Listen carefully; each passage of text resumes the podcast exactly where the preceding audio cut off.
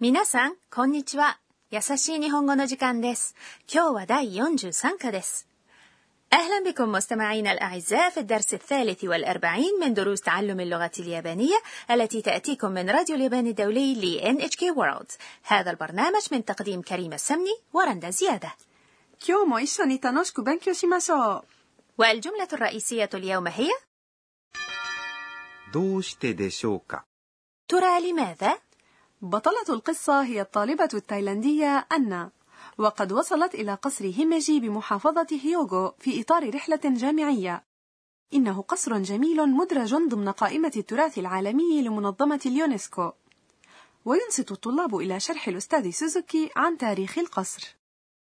تعالوا نستمع إلى حوار الدرس الثالث والأربعين والجملة الرئيسية هي どうしてでしょうか ترى لماذا؟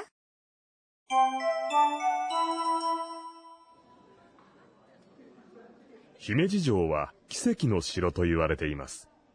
どうしてでしょうか戦争でも焼けなかったからです。さすが、ロドリゴ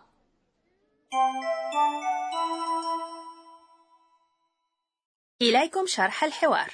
ヤコルルスタースズキ姫路城は奇跡の城と言われています。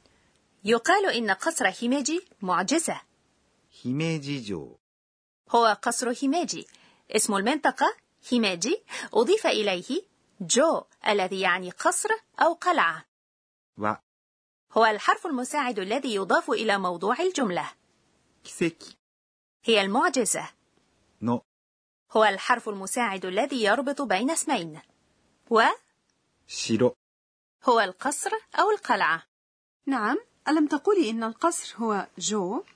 القصر هو شيرو وهكذا يقال عندما لا نذكر اسم القصر أما عندما نذكر اسم القصر فنضيف إلى الاسم اللفظ جو الذي يعني قصر هيميجي جو نواصل الحوار بعد كلمة شيرو يوجد الحرف المساعد تو الذي يستخدم بمعنى إن أو أن 言われています يعني يقال الفعل يقول هو 言います والمبني للمجهول هو 言われます وحولنا 言われます إلى صيغة ت وهي 言われて علمنا أن إضافة إيمس إلى صيغة ت من الفعل تعني الحاضر المستمر بالضبط إيواريتي إيمس والآن يطرح الأستاذ سوزوكي سؤالا على الطلاب どうしてでしょうか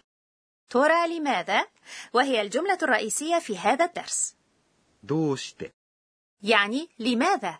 والأسلوب الرسمي والمهذب للسؤال عن السبب هو なぜでしょう هو أسلوب للترجيح والجملة الاستفهامية تنتهي بالحرف المساعد か ورودريغو يجيب عن سؤال الأستاذ سوزوكي 戦争でも焼けなかったからです لأنه لم يحترق حتى خلال الحرب 戦争 هي الحرب でも يعني حتى فيه والمقصود هو حتى خلال الحرب 焼けなかった يعني لم يحترق وهو أسلوب دارج من 焼けませんでした الفعل في صيغة مس هو 焼けます أي يحترق وما هي الكلمة التي تعني سلام يا كريمة؟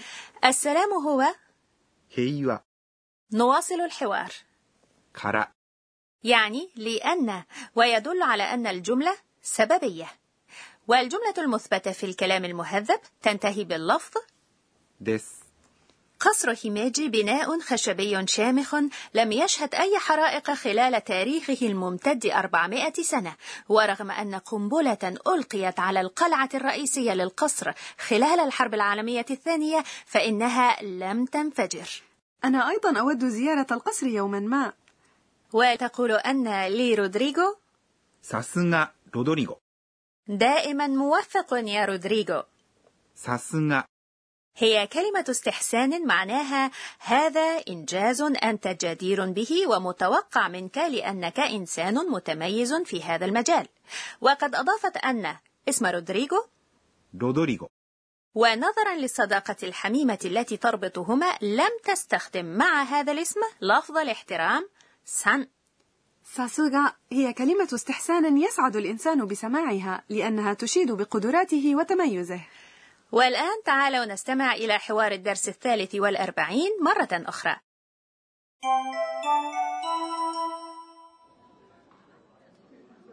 姫路城は奇跡の城と言われています。どうしてでしょうか戦争でも焼けなかったからです。さすが、ロドリゴ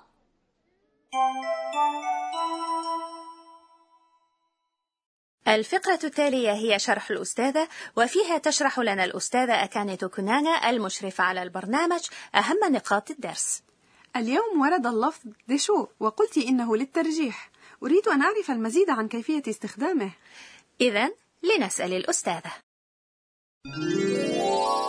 私が教えましょう تقول الأستاذة توكونانا يستخدم でしょ في آخر الجملة عندما نرجح وقوع شيء غير مؤكد في المستقبل. عندما نستخدم هذا اللفظ مع اسم أو صفة نحول دس في آخر الجملة المثبتة إلى دشو مثلا يرجح طقس ممطر غدا غدا يعني う。明日、 ومطر يعني 雨。 سيكون الطقس ممطرا غدا يعني 明日は雨です。 نحول دس إلى دشو فيكون 明日は雨でしょう。 أي يرجح طقس ممطر غدا. أما عندما نستخدمه مع فعل فيجب أن نحول الفعل أولا إلى صيغة بسيطة مثل صيغة المعجم أو صيغة ناي ثم نضيف ديشو مثلا يرجح أنه سيذهب أولا كيف نقول إنه سيذهب؟ هو يعني 彼、 يذهب يعني 行きます。 هو سيذهب يعني 彼は行きます。 نحول الفعل إيكيماس إلى صيغة المعجم وهي 行く。 وبالتالي يرجح أنه سيذهب يعني 彼は行くでしょ كنا قد عرفنا في الدرس الخامس والعشرين أن う。ようだ。 معناه يبدو أن وهو أسلوب دارج من ようです。 وله معنى قريب من ديشو إذا ما الفرق؟ 彼は行くようです。 يعني يبدو أنه سيذهب 彼は行くでしょ يعني يرجح أنه سيذهب كنا مع فقرة شرح الأستاذة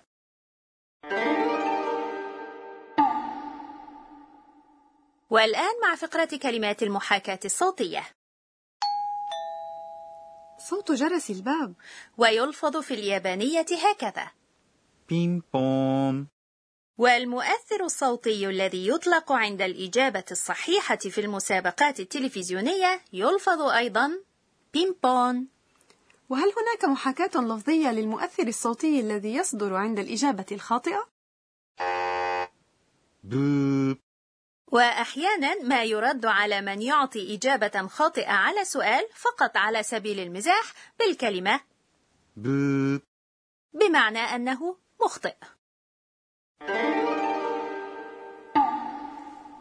كنا مع كلمات المحاكاة الصوتية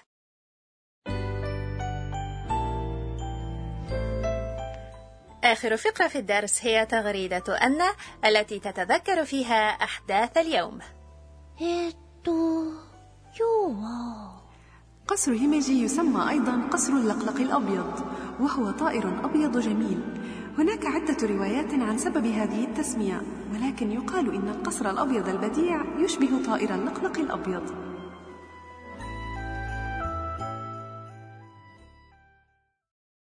بهذا وصلنا إلى نهاية الدرس الثالث والأربعين وكانت الجملة الرئيسية فيه どうしてでしょうか ترى لماذا؟